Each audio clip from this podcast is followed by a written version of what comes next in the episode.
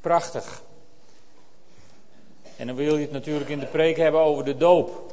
Daarnaast werken we in onze gemeente met maandthema's. En daar wil je ook een beetje bij in de buurt blijven. En ons maandthema deze maand is de blik gericht op Jezus. Zoals hij op Palmpasen op een ezel Jeruzalem binnenreed. Zoals hij op Goede Vrijdag hing aan dat kruis. Zoals hij is opgestaan. En vandaag wil ik bij dat thema blijven. En ik wil met jullie lezen uit Numeri 21. Numeri 21, vers 4 tot 9. Het verhaal van de koperen slang. Numeri 4, uh, numeri 21, vers 4. Van de Hor trokken ze verder in de richting van de Rode Zee. Ze moesten immers om Edom heen trekken, maar onderweg werd het volk ongeduldig. Waarom hebt u ons weggehaald uit Egypte, verweten ze God en Mozes, om ons in de woestijn te laten sterven? We hebben geen brood en geen water en we kunnen dit ellendige eten niet meer zien. Toen stuurde de Heer giftige slangen op de Israëlieten af die hen beten, zodat velen van hen stierven. Daarop ging het volk naar Mozes. We hebben gezondigd, zeiden ze, want we hebben de Heer en u verwijten gemaakt. Bid tot de Heer dat hij ons van die slangen verlost. Mozes bad voor het volk en de Heer zei tegen hem: Laat een slang maken en bevestig die op een staak. Iedereen die gebeten is en daarnaar kijkt, blijft in leven. Mozes liet een koperen slang maken en bevestigde die op de staak. En iedereen die door, de slang, door een slang gebeten was en opkeek naar de koperen slang, bleef in leven. Slangen. Die hebben we allemaal in ons leven. Allemaal worden we af en toe geconfronteerd met een slang. En weet je, als, als je tot de categorie behoort die denkt, mij gebeurt dat niet, dan ben je pas echt in de gevarenzone. Slangen, die komen allemaal op ons af. En in dit verhaal worden er een paar genoemd als voorbeeldje. Ze werden ongeduldig. Ongeduld. Als je iets verwacht van God, als je gebeden hebt, als je wat, wat wilt van God, als je wat nodig denkt te hebben van God, dan kan ongeduld kan kan een ongelofelijke slang zijn. Hè? Ongeduld, ongeduld. Uiteindelijk is ongeduld de reden waarom er een Ismaël werd verwekt, waar we tot de dag van vandaag last van hebben. Ongeduld. En uh, een andere zonde, die we misschien nog veel, veel makkelijker doen, is, is God ter verantwoording roepen. In dit stukje lezen we dat de Israëlieten tegen God beginnen met waarom. Je hebt waarschijnlijk allemaal wel eens zo'n situatie, als je tenminste een relatie hebt met de Heer, waar iets niet liep zoals je dacht dat het zou moeten. Heb je allemaal waarschijnlijk wel eens tegen God geroepen: waarom? Waarom? Nou, waarom heeft nog nooit iemand dichter bij God gebracht, eerder verder bij hem vandaan? Waarom? En, en nog zoiets. Ze waren niet tevreden met Gods voorziening. Heel zacht uitgedrukt. Hè? Als ze zeggen we kunnen dit ellendige eten niet meer zien. Dan praten ze wel over het manna. Wat God elke dag nieuw uit de hemel in de woestijn liet komen. Zodat ze konden eten. Dat heilige manna wat ze zelfs in de ark moesten bewaren. Dat noemen ze dat ellendige eten. We kunnen het niet meer zien. En al die dingen die zijn zonde. En zo zijn er hele lijsten op te noemen, maar we willen ons vandaag niet concentreren op zonde. We willen onze focus ergens anders neerleggen. Maar die zonde is als een giftige slang, om terug te gaan naar dit verhaal. Zonde is als een giftige slang in je leven. En je gaat er net zo aan dood als aan die slangenbeten, geestelijk tenminste. Want in Romeinen 6, vers 23, daar schrijft Paulus: Het loon van de zonde is de dood. Maar het geschenk van God is het eeuwige leven in Christus Jezus onze Heer. Dus er is, er is hoop. Zelfs midden in de slangen is er hoop. Gloort er aan de toekomst een oplossing. En de vraag is: waar focus je op? Dit volk in de woestijn, dat focuste op de problemen die er waren. En misschien mag ik u dat ook vragen vanmorgen. Waar focust u op in uw leven als het eens even niet gaat? Zoals u denkt dat het zou moeten of zoals u graag zou willen. En, en dat kunnen erg genoegen dingen zijn. Maar waar focus je op? Ben je op een gegeven moment beheerst door de problemen in je leven? Dan ga je waarom roepen en het brengt je niet bij God. Integendeel, het brengt je bij God vandaan. Waar focus je op? Op misstappen in je leven? Soms kun je inderdaad iets doen waarvan je ogenblikkelijk weet van dit was niet in de wil van de Heer. Nu heb ik gezondigd. En dan komt er zo'n giftige slang bij je in de buurt. En de duivel komt even op je schouder zitten. En die komt je vooral vertellen hoe ongelooflijk zondig je wel niet bent geweest. En waar leidt het toe? Tot de dood. Als je focust op je zonden. Waar focus je op? Zo kun je ook focussen op alle redenen om niet gedoopt te worden. En er zijn er vele. Ik herinner nog, me nog uit de tijd dat, dat wij ons wilden laten dopen. Die worsteling. Hoe vertel ik het mijn familie? Hoe vertel ik het uh, de ouderling en de dominee? Hoe vertel ik het, noem het maar op. Er zijn honderden redenen te bedenken om niet gedoopt te worden. En dan ook nog die vragen die ik vaak tegenkom in gesprekken. Van, van ja, ik ben er nog niet goed genoeg voor. Laat ik je dan meteen zeggen. Je zult nooit genoeg, goed genoeg worden om gedoopt te worden. We dopen vandaag drie mensen. Niet omdat ze goed genoeg zijn. Niet omdat ze genoeg punten bij het multiple choice examen hebben gehaald. Maar omdat ze gehoorzaam willen zijn aan Jezus Christus. En op het moment dat ze uit het watergraf opreizen, zijn ze goed genoeg geworden. Daarom dopen we namelijk mensen. Om goed genoeg te worden. Om, om het oude leven kwijt te raken. Wat nooit goed genoeg kan worden. En om in een nieuw leven met Jezus Christus weer verder te gaan. Er zijn massa's redenen te bedenken. En eigenlijk is het als het over de doop gaat, als mensen worstelen met de doop, als je bezig bent met die vraag van ja, wanneer ben ik er aan toe en wanneer is het de tijd enzovoort. Het zijn allemaal vragen die je in de Bijbel nergens tegenkomt. Ik vind in de Bijbel één legitieme vraag van een dopeling die eigenlijk gedoopt wil worden. En dat is de enige vraag die je in de Bijbel vindt op dit gebied. En dat is van een man die tegen Filippus zegt: Kijk, water. Waarom zou ik niet gedoopt kunnen worden? En ik wil je uitdagen als je, als je niet gedoopt bent en, en af en toe misschien wel eens worstelt met die vraag. En, en misschien vanuit, vanuit de, de, familie ook wel eens een hint krijgt, zo van wordt het niet eens tijd of zo. Dat moet je trouwens niet doen, want je kunt mensen het water niet induwen, hè, dat moeten ze willen. Maar als, je, als die doop in je gedachten komt, dan is er slechts één legitieme bijbelse vraag om jezelf te stellen: waarom niet? En als je daar geen antwoord op weet te geven, dan hebben wij 30 augustus weer een doopdienst in de planning staan. Nou, dat is goed nieuws. Waarom niet? Vraag je dat maar eens af. Waar focus je op? Er is één goed antwoord. Slechts één. Het is niet zo'n moeilijk antwoord. Het is niet, niet iets wat je uitvoerig uit je hoofd moet leren. Er is één goed antwoord. Waar focus je op? Er is één goede focus en zijn naam is Jezus. Nou, dat is toch niet zo ingewikkeld. Het, het leven hoeft niet zo moeilijk te zijn. Jezus. In Matthäus 6, vers 33, daar zegt deze Jezus: Zoek liever eerst het koninkrijk van God en zijn gerechtigheid. En dan zullen al die andere dingen je erbij gegeven worden. Al die dingen waar je op focust. Al die dingen waar je mee worstelt. Al die dingen waar je tegenaan loopt. Al die dingen die je misschien nog nodig denkt te hebben van God. Eerst het koninkrijk van God. En al die andere dingen, die zullen je erbij gegeven worden, zegt Jezus. En in Matthäus 11, daar zegt hij in vers 28: Kom naar mij, jullie die vermoeid en belast zijt en onder lasten gebukt gaan. wat, wat kun je vermoeid worden? Wat kun je belast zijn? Wat kun je gebukt gaan?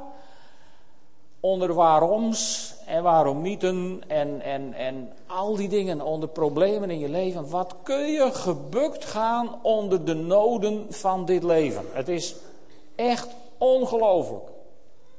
Wat kun je het er moeilijk mee hebben? En dan zegt Jezus, weet je wat? Kom maar bij mij. Dan zal ik jullie rust geven. Neem mijn juk op je. Dat betekent dat je gehoorzaam wordt aan Hem. Neem mijn juk op je en leer van mij, want ik ben zachtmoedig en nederig van hart. Dan zullen jullie werkelijk rust vinden, want mijn juk is licht, of mijn juk is zacht en mijn last is licht. Weet je, het leven onder de regie van Jezus Christus is het beste leven wat je als mens kunt leiden. Misschien zijn hier mensen die het nog steeds onder andere regieën proberen. Je eigen regie of, of weet ik wat voor regieën. Wat kan het leven ingewikkeld zijn? Als je het allemaal onder je eigen regie wilt proberen, als je het allemaal in eigen hand wilt houden, wat kan het leven verschrikkelijk moeilijk zijn? En wat kan het je soms dan ook bij de handen om afbreken als je het zelf in de hand wilt houden? Weet je, als je dingen los durft te laten, als je, als je, als je de vragen waar je mee worstelt bij het kruis durft te brengen. Als je je oude leven, wat je misschien af en toe helemaal horen dal maakt, durft te begraven in het watergraf. Dan zul je ontdekken dat het juk van Jezus Christus, de regie van Jezus is zacht. Hij leidt met zachte hand en hij is vriendelijk en hij is goed voor je. Focus jezelf op Jezus Christus en dien gekruisigd. Maar niet alleen dat, ook weer opgestaan uit de dood en zittend aan de rechterhand van God. Focus je op Jezus, op de opgestane Messias. Want, want waardoor wordt de mens gered uiteindelijk? Je redding, je behoud, lieve mensen, is een geschenk, een cadeau. En dat heet genade. Ander woord kan ik er niet voor bedenken. Je wordt gered door genade. De mensen in dit verhaal in het Oude Testament, die werden niet gered door die koperen slang. Sommigen dachten dat wel en later zijn ze die slang in Israël helemaal gaan vereren. Je leest daarover in 2 Koningen 18 over koning Hiskia. Daar staat hij verwijderde de offerplaatsen, hij verbrijzelde de gewijde stenen, hij haalde de Asherah-palen omver en sloeg de koperen slang die Mozes gemaakt had aan stukken. De Israëlieten hadden namelijk nog altijd de gewoonte voor deze slang, die de naam koperslang droeg, wierook te branden. Het lag niet aan de slang. Het lag ook niet aan de kwaliteit van het kijken. Dat kunnen we soms zo denken, als ik nou maar goed genoeg kijk, als ik nou maar lang genoeg kijk, als ik nou maar s'morgens voordat ik naar mijn werk ga, eerst 30 minuten kijk. Nee, daar gaat het helemaal niet om. Dan ben je nog steeds bezig om zelf je behoud, je redding te verdienen. En, en als je die illusie nog hebt, dan wil ik je vanmorgen grandioos ontmoedigen. Je redding en je behoud kun je niet verdienen. Die krijg je gratis. Iedere Nederlander zou er vanuit zijn dak moeten gaan en tot mijn verbijstering is dat niet zo. Maar je behoud krijg je gratis. Het wordt je aangereikt door de Vader in de hemel. En, en je moet het alleen aan willen nemen. Je wordt niet gered door de slang. Je wordt niet gered door de kwaliteit van het kijken. Wat de Israëlieten in dit verhaal redden, was pure gehoorzaamheid aan God. Want de opdracht, laten we eerlijk zijn, de opdracht was absoluut irrationeel. Als je door een slang gebeten wordt, dan hol je naar de dokter of naar het ziekenhuis en dan laat je er wat aan doen. Maar je kijkt niet naar een koperen slang op een stokje. Dat slaat nergens op, menselijk gezien. Maar God had één opdracht voor deze mensen die zo'n wantrouwen in God hadden tentoongesteld in hun gewaarom en hun gemekker en hun gedoe. En ze hadden als het ware het vertrouwen in God hadden ze opgezegd. Vervolgens kwamen de slangen en wat wilde God zien? Vertrouwen. Een slang op een paal. En als je gebeten was, ja, dan kon je focussen op die vreselijke slang die je gebeten had. Of je kon focussen op die vreselijke opgezette toestand aan je been, waaraan je bezig was dood te gaan. Maar je kon je ook focussen op die slang, op die staak. In het geloof dat je daardoor gered zou worden. Je kon je ook focussen op die belofte van God. Van daar ligt je redding. Waardoor word je gered? Ook vandaag is dat een legitieme vraag. Je wordt niet gered door het kruis om je nek, al hoe groot je dat ook maakt. Je wordt niet gered door een christelijk symbool op je agenda of op je auto of wherever. Je wordt niet gered door dat water. Of door Hans en, of mij als we je straks dopen. Of door de woorden die daarbij worden uitgesproken. Je wordt gered uit genade. Door God de Vader in de hemel. En je wordt gered omdat je in gehoorzaamheid stappen zet in die genade. Want die genade die redt ons. En hoe kom je nou aan die genade? Ik zei het al, die wordt je aangereikt. Die wordt je aangeboden. En het enige wat je hoeft te doen, is die genade in geloof aanvaarden. Misschien kom je uit kringen waar je dan zegt, nou dan eigen je je de genade wel erg toe. En dan zou ik je willen vragen, waarom denk je anders dat God hem je aanreikt? Niet om hem je laten zien en weer ongebruikt op de bergen. God reikt je die genade toe om hem aan te nemen in geloof. Dat is de volgende stap. We lezen in Johannes 3, vers 14 en 15. De mensenzoon, Jezus Christus, moet hoog verheven worden. Aan een kruis Zoals Mozes in de woestijn de slang omhoog geheven heeft. Hier heb je de verbinding met ons verhaal. Opdat iedereen die gelooft in hem eeuwig leeft. Iedereen die gelooft in hem. Dus de genade wordt je aangereikt. Die moet je in geloof aanvaarden. Want het is geloof wat de schakel is tussen Gods genade aanbod en ons. Het is geloof. Je kunt het niet verdienen. Je kunt er niets aan toevoegen. Het is geloof. Je gelooft of je gelooft niet. Daar zit niks tussen. Er is geen grijs gebied. Je gelooft niet bijna. Je gelooft of je gelooft niet. En als je niet gelooft, heb je niks aan mijn preek vanmorgen. Als je wel gelooft, dan begrijp je waar het over gaat. En dat geloof, wat doet dat geloof? Nou, dat geloof, dat doet een hele hoop. Maar waar ik vanmorgen dan even het op toe wil spitsen, dat geloof leidt je tot de wens om gedoopt te worden. Dat komt uit geloof. Niet omdat iemand je achterna zit van je moet gedoopt worden. Niet om, om geen enkele reden. Geloof. Je gelooft en in dat geloof heb je je leven aan de Heer Jezus gegeven. En de Heilige Geest werkt in je hart. En er ontstaat dat verlangen om, om een kind van God te worden. Om mee, om, om mee te horen bij dat koninkrijk van God. Er ontstaat dat verlangen in je hart. En als je dan, ja, daar kun je je heel lang tegen verzetten. Hè?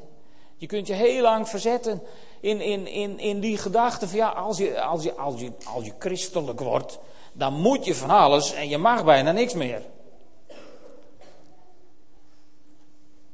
Maar dat denk je alleen maar als je je leven niet aan de Heer Jezus hebt gegeven. Als je je leven wel aan de Heer Jezus hebt gegeven, dan heb je ontdekt dat je niks moet en ongelooflijk veel mag. En dat je in een geweldige vrijheid in dit leven komt te staan. En dat er een aantal dingen, en dat zijn er misschien nog wel wat, maar dat er een heel aantal dingen in het leven zijn die je gewoon absoluut voor geen meter meer wilt. Omdat je weet dat je jouw Jezus daarmee verdriet doet. Je wilt een hele hoop niet meer. Niet omdat het niet mag, Maar gewoon omdat je het niet meer wilt. Want je krijgt, je krijgt gewoon van God een, een soort een nieuw geweten. Als het ware ingeplant. Een nieuw hart, zegt Ezekiel. Het hart van steen. Wat van alles moet en niks mag. Dat haal ik eruit. En ik geef je een nieuw hart van vlees terug. Wat alles mag. Maar een hele hoop gewoon niet meer wil.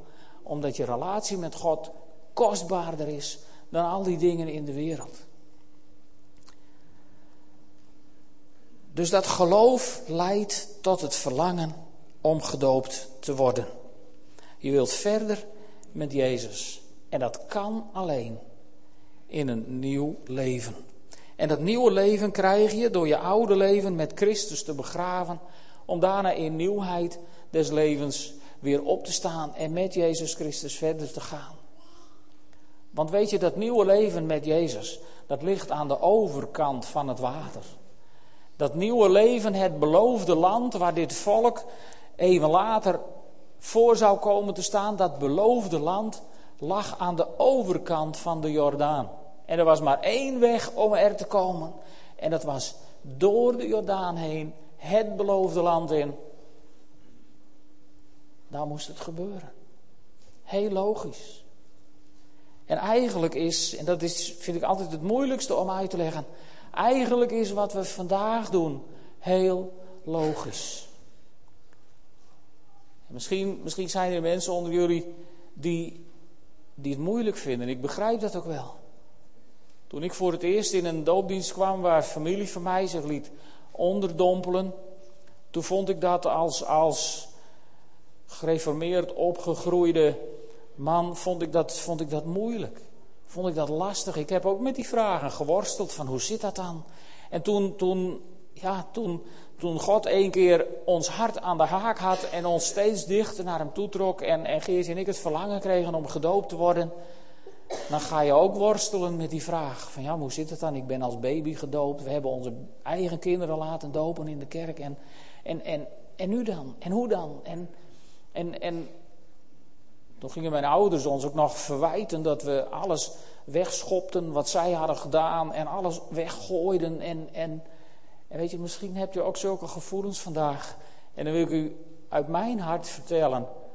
Die gevoelens, die waren verre van ons. Verre van ons. Want ik weet uit ervaring, als je voor in de kerk hebt gestaan met je baby, dan doe je dat in, in, in een heiligheid waarin je je kind bij de Heer wilt brengen. Wij doen dat ook als we kinderen opdragen. En, en toen God later in mijn leven dat verlangen had gelegd om door het water heen hem te volgen, omdat ik een, visioen zag van, van de Heer Jezus die aan de overkant op me stond te wachten en zei: Kom maar, ik heb lang genoeg op je gewacht. Toen was ik gewoon niet meer te houden. En het is moeilijk geweest om het andere mensen uit te leggen dat het een heel logisch vervolg was op wat mijn ouders vroeger met mij hadden gedaan. Door mij in de kerk bij de Heer Jezus te brengen door mij christelijk op te voeden, door mij het geloof mee te geven wat zij hadden. En, en daar ben ik nog altijd dankbaar voor. En, en die stap door het water was voor mij gewoon een heel logisch vervolg. Dat was, was geen sprake van weggooien van wat dan ook. Dus als u die zorg hebt gehad, dat is hier vandaag absoluut niet aan de orde. Ook niet bij de mensen die vandaag gedoopt worden. Maar het is lastig uit te leggen. Omdat het verlangen om gedoopt te worden een werk van de Heilige Geest is in jouw hart. En als die Heilige Geest in jouw hart één keer aan de slag is, dan wil je maar één ding. Als je ja gezegd hebt tegen een leven met Jezus, dan wil je maar één ding: Hem volgen in gehoorzaamheid. En dat is het ultieme onderdeel van de doop. Het onderdompelen in water is slechts een symbool. Maar het ultieme waar het om gaat, is die stap in gehoorzaamheid. Dat je ja zegt tegen die, tegen die lokkende stem van de Heer Jezus, die, die, die tegen Annette en tegen Afke en tegen Remco heeft gezegd: Joh, het is nu de tijd, kom op. Ik wacht op je, ik heb lang genoeg op je gewacht en ik heb nog geweldige dingen voor je in petto maar die liggen aan de overkant van het water. En daarom willen er vandaag drie mensen door het water heen. Om verder te gaan met Jezus. En dat is voor mij nog altijd dat ultieme geheim van die doop die we vandaag voltrekken. Het ultieme geheim is dat er meer is in het leven met Jezus dan je tot nu toe hebt meegemaakt. En als je nog nooit door het water heen bent geweest, dan ligt dat meer wat Jezus voor jou heeft, ligt aan de overkant van het water. En als je dat één keer hebt ontdekt, dan is er maar één richting waar je heen wilt. En dat is naar die overkant van het water. En we hebben er geen loopplank overheen liggen. We gaan hier ook geen storm organiseren zodat je droogvoets erdoor kunt wandelen. We gaan er onder en we komen er weer uit. En waarom doen we dat zo? Wij doen dat zo omdat we dit duidelijk willen maken. En ik lees het toch voor uit Romeinen 6. Die prachtige verse van de apostel Paulus, waarin hij zo helder duidelijk maakt wat dopen eigenlijk is. Hij zegt: Weet u niet dat wij die gedoopt zijn in Christus Jezus, zijn gedoopt in zijn dood? We zijn door de doop in zijn dood met hem begraven, om zoals Christus door de macht van de Vader uit de dood is opgewekt, een nieuw leven te leiden. Als wij delen in zijn dood, zullen wij ook delen in zijn opstanding. En als je dat één keer hebt begrepen, en als die honger naar delen in zijn opstandingskracht je één keer te pakken heeft, lieve mensen, dan is er geen houden meer aan. En daarom hebben we op 30 augustus weer een doopdienst. Zullen we een moment samen bidden? Naar de getuigenissen van de dopelingen. Annette. Ja, goedemorgen. Ik ben Annette Boersma, echtgenote van Ico Boersma. We wonen in Bornbergem en gaan daar naar de voortgezette gereformeerde kerk. Graag wil ik mij laten dopen, zoals Jezus zei tegen zijn discipelen in Matthäus 28, vers 19. Maak alle volken tot mijn discipelen en doop hen in de naam van de Vader, de Zoon en de Heilige Geest en leert hen onderhouden al wat ik u bevolen heb. Ik geloof dat Jezus Christus de Zoon van God is en dat Hij ook vooral mijn zonden is gestorven aan het kruis en dat Hij de straf ook voor mij heeft gedragen. Uit dankbaarheid wil ik Jezus Christus volgen en dienen om zo een discipel van Hem te zijn. Daarom wil ik graag mijn oude leven afleggen en met Jezus Christus begraven worden en met Jezus Christus weer opstaan in een nieuw leven. In Galaten 3, vers 27 staat ook zo mooi. Want gij allen die in Christus gedoopt zijt, hebt u met Christus bekleed. Daarom wil ik mij laten dopen in de naam van de Heer Jezus.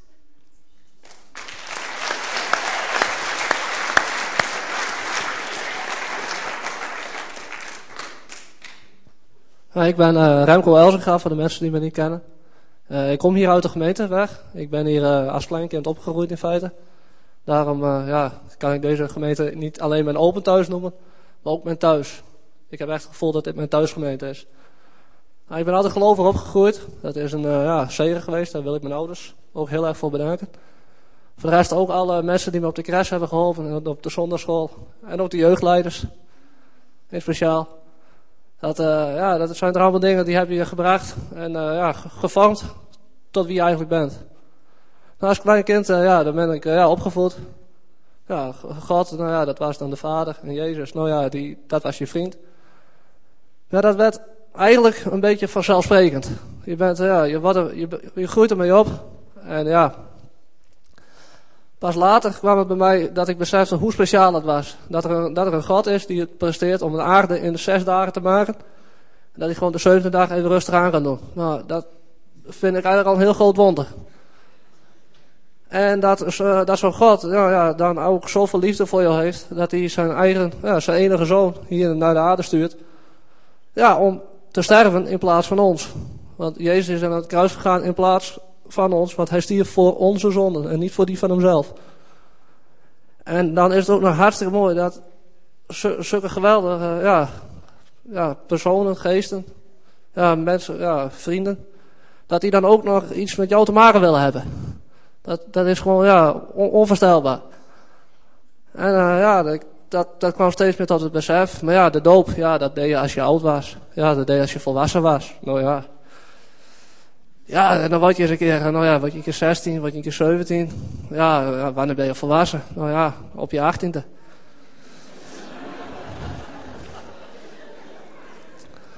Ja, toen op laatst, ja, dan, eh, ja, dan, dan word je 20. Ja, ja, ja. 21, ja, dan ben je volgens de wet volwassen. Maar ja, toen heb ik eigenlijk aan God gevraagd van, als ik mij moet laten dopen, als dit de tijd is, nou ja, ik hoor het wel. En uh, dat, dat was uh, woensdag. En de, donderdag, nee, de vrijdag op de jeugdavond kwam Maria. Hé hey jongens, uh, we moeten het even over de doop hebben. Want ik besef dat er een paar zijn die niet gedoopt zijn. Ja. Dan moet je.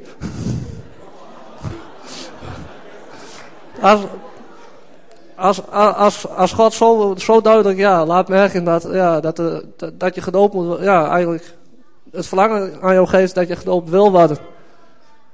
En dan ook zo duidelijk laat merken dat het ook de bedoeling is dat jij ook gedoopt wordt. Wat Willem ook zei, dat je, je wordt nooit goed genoeg om je te laten dopen. Dat, dat was ook iets waar ik mee zat. Ja, dat werd al heel duidelijk. En, daar, en daarom wil ik mij dus laten dopen.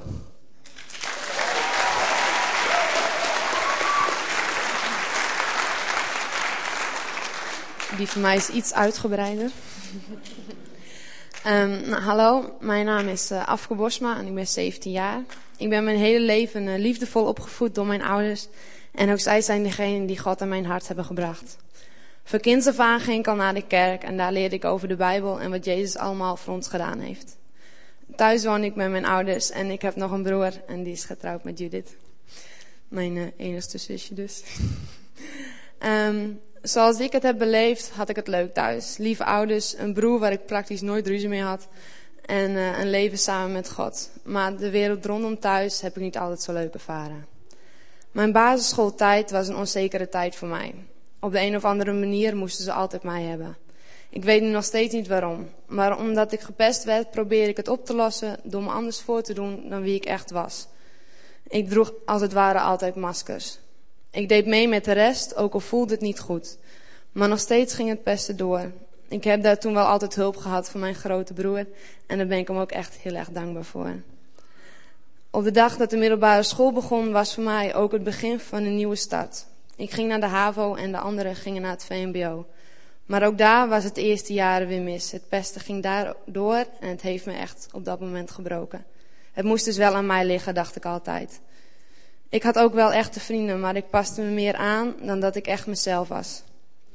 In de tweede klas kwam ik iemand tegen die mijn leven toch wel erg veranderd heeft. Mijn grote vriendin Grita. Ze was ook christen en ik heb veel steun bij haar gevonden. We waren elkaars praatpaal, geloofsvriendinnen, troosters en we hadden echt altijd lol. En we waren er echt voor elkaar. Ik kon mijn verhaal eindelijk kwijt. We gingen ook samen naar de gebedsgroep bij ons op school. Een initiatief om het geloof wat meer op school te brengen. En ik moet zeggen dat we best fanatiek waren. Na de vierde klas ben ik van school afgegaan. Ik ging mijn droom achterna, verpleegkundige worden, net als mijn moeder. Ik ging bij mijn vertrouwde vrienden en omgeving vandaan en sloeg een andere weg in. Zeker een keuze die God mij heeft voor heeft gelegd. En ook een keuze waar ik nooit spijt van heb gehad. In ons gezin heeft muziek altijd een grote rol gespeeld. Mijn vader en mijn broer spelen drums, mijn, nu piano en gitaar. Mijn paken speelde de bas en ik ging al vroeg naar muzieklessen. Ik ben, zoals velen, begonnen met het klokkenspel. Een ritme had ik zeker. En mijn grote droom was om later dwarsfluit te gaan spelen. Dat heb ik dan ook negen jaar gedaan. Het was ook het enige wat ik uit wou proberen op de, op de muziekschool. Ik uh, wou niks anders proberen. Um, al snel bleek dat ik mijn medeleerlingen een streepje voor was. toen ik elf was, kwam ik daarom ook in een talentenklas. Een groep jeugd begeleid door Rijn Verveda, die zich bij hem verder kon ontwikkelen. Muziek is een periode lang erg belangrijk voor mij geweest. Elk weekend optredens, concoursen en moeilijke stukken uit mijn hoofd leren. Maar toen ik aan mijn studie verpleegkunde begon, heb ik mijn lessen laten vallen en nu speel ik alleen nog voor projecten en thuis als ik de fluit eens zie liggen. Ongeveer een jaar geleden ben ik een stel fantastische vrienden tegengekomen. De Beren. Een groep vrienden die erg close zijn met elkaar. En ook samen met God. Ik voelde me echt thuis en kon mezelf zijn. Vrienden die je niet zomaar laten vallen, maar die er altijd voor je klaar zullen staan. God heeft ze echt allemaal op mijn pad gebracht en daar ben ik hem echt super dankbaar voor. Ook al zijn ze stuk voor stuk allemaal verschillend. We hebben één ding, één belangrijk iets in ons leven dat ons bij elkaar brengt. En dat is God. Drie jaar terug is het project Get Connected opgestart. Het idee was om een groot koor samen te stellen van allemaal jongeren om daarmee aan te geven dat de jeugd nog wel wat voor God wou betekenen. Het eerste jaar hadden we een koor van ruim 80 jongeren en dit jaar was het aantal opgelopen tot 130. Het is echt fantastisch om samen met allemaal jongeren en onze grote God, voor onze grote God te zingen en Hem te aanbidden. Ik heb er veel mensen leren kennen en veel goede gesprekken gehad. En natuurlijk veel lol gehad. Dit jaar heeft het project zijn naam goed eer aangedaan. Ik kreeg verkering met Christian. Ik ken hem al een jaar, maar bij het project sloeg de vonk echt over. Ook al hebben we nog niet zo heel erg lange relatie. Ik weet zeker dat God ons samen bestemd heeft. Ik kan alles met hem delen en samen proberen we problemen uit het leven op te lossen. Bij hem heb ik ook echt het idee dat ik mezelf kan zijn. En dat is nog wel eens beangstigend. Ik zou mijn leven niet zonder hem voor kunnen stellen. Zoals jullie horen was mijn basisschooltijd niet echt de fijnste tijd. Maar nu ik erop terugkijk, weet ik dat juist op die moeilijke momenten God mij gedragen heeft. Hij hield me altijd staande en liet mij zien dat hij van me hield. Het verbaast me nog altijd, het verbaast me altijd nog steeds om te weten dat hij er altijd is geweest om mij op te vangen als ik weer eens van het goede pad afweek. En dat hij mij altijd terug wou om, als ik mij tegen hem had gekeerd. En wij mensen, wij zijn vaak dom. Wij doen bijna elke dag wel dingen die niet goed zijn in de ogen van God. Verkeerde gedachten, verkeerde uitspraken. Maar het zijn, het zijn maar kleine dingen, maar God ziet ze allemaal. En als je dan bedenkt dat Jezus voor ons aan het kruis is gestorven. om al die domme kleine dingen, kleine fouten van ons te vergeven. kan ik alleen maar op mijn knieën gaan en Hem enorm prijzen. Wij mogen al onze zonden bij Hem neerleggen. Wij mogen ze allemaal in de rivier leggen en God zal ze van ons nemen. De keuze of ik voor Jezus zou kiezen was niet moeilijk. De manier, de maar de manier dat ik aan God wil laten zien, hoe ik dat aan God wil laten zien en wat God voor mij de manier vond, was wat moeilijker. Mijn moeder heeft vol overtuiging beleidenis gedaan samen met mijn vader, maar sinds een paar jaar is hij er anders over gaan denken. Dat beïnvloedde de sfeer nog wel eens in ons gezin. Gelukkig dat het nu allemaal weer goed is en dat de keuzes geaccepteerd worden. Ook mijn broer heeft bewust gedaan. Maar omdat ik wist dat mijn, moeder, mijn, dat mijn ouders er verschillend over dachten, vond ik het moeilijk om een keuze te maken. Ik heb er lang over nagedacht, maar kwam er steeds niet uit. Ik ben toen maar, op, ben toen maar opgehouden met denken. En juist op dat moment kwam God aan het woord. Hij liet mij zien dat het dood mijn keuze was. Door anderen, door dingen die ik hoorde. Het was net alsof hij mij rechtstreeks wou vertellen. Ik wil God volgen met heel mijn hart. Mijn leven geheel aan hem geven. En door mij te laten dopen was God al mijn zonden af en begin ik een nieuw leven samen met Hem. Dat ik hier nu sta is niet gewoon omdat ik het leuk vind om mij te laten dopen. Ik sta hier omdat ik aan God en aan jullie wil laten zien dat God de enige in mijn leven is waaraan ik mijn hele leven geven wil. Ik wil voor de almachtige, liefdevolle, vriendelijke, rechtvaardige en allerhoogste God gaan. God is het belangrijkste in veel van jullie levens. En ik sta hier als een getuige dat onze God leeft. Dat Hij er is was en altijd zal zijn. Hij is onze God. En totdat Hij terugkomt, wil ik Hem aanbidden.